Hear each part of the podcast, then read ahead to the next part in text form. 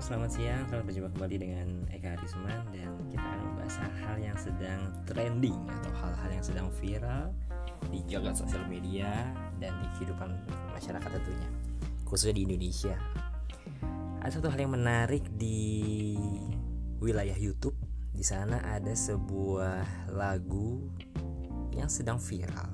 Judulnya manis sekali yaitu Aisyah istri Rasulullah di sana ada sebuah lagu yang sebenarnya dinyanyikan atau di cover oleh beberapa orang terhitung sampai 13 orang yang mengcover lagu tersebut dan membuatnya menjadi trending nomor 1, 2, 3 sampai 13 di YouTube. Wow, keren sekali.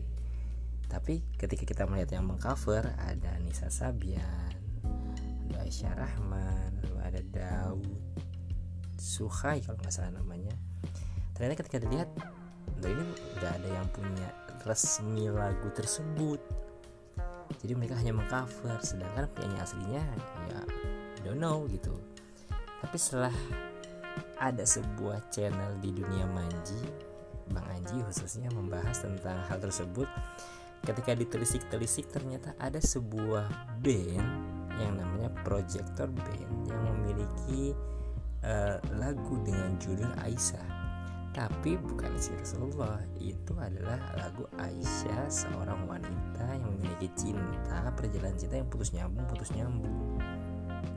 Sangat beda sekali dengan uh, lagu yang sedang trending. Kenapa sih lagu itu bisa berubah?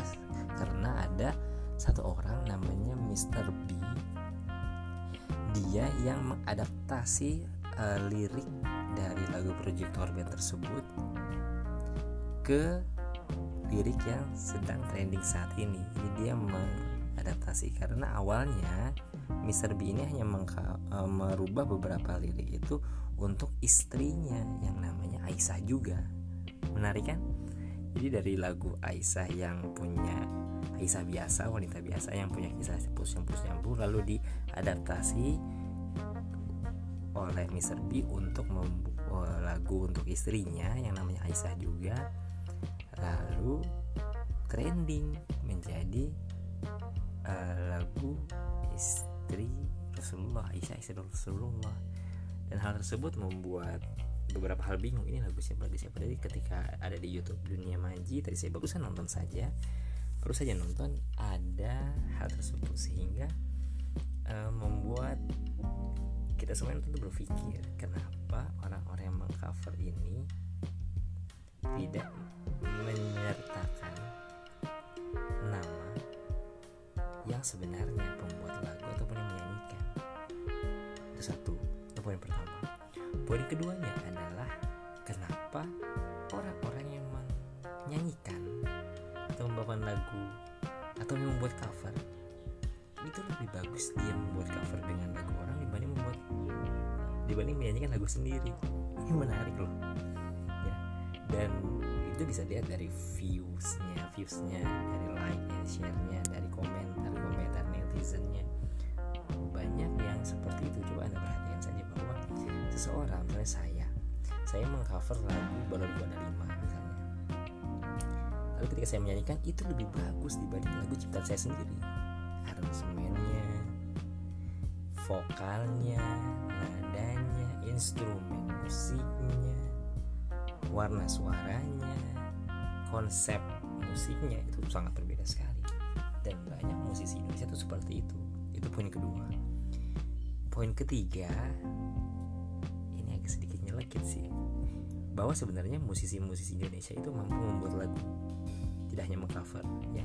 Jadi kalau bisa jangan cuma mengcover. Kalian buat lagu yang lebih bagus dari cover lagu orang gitu.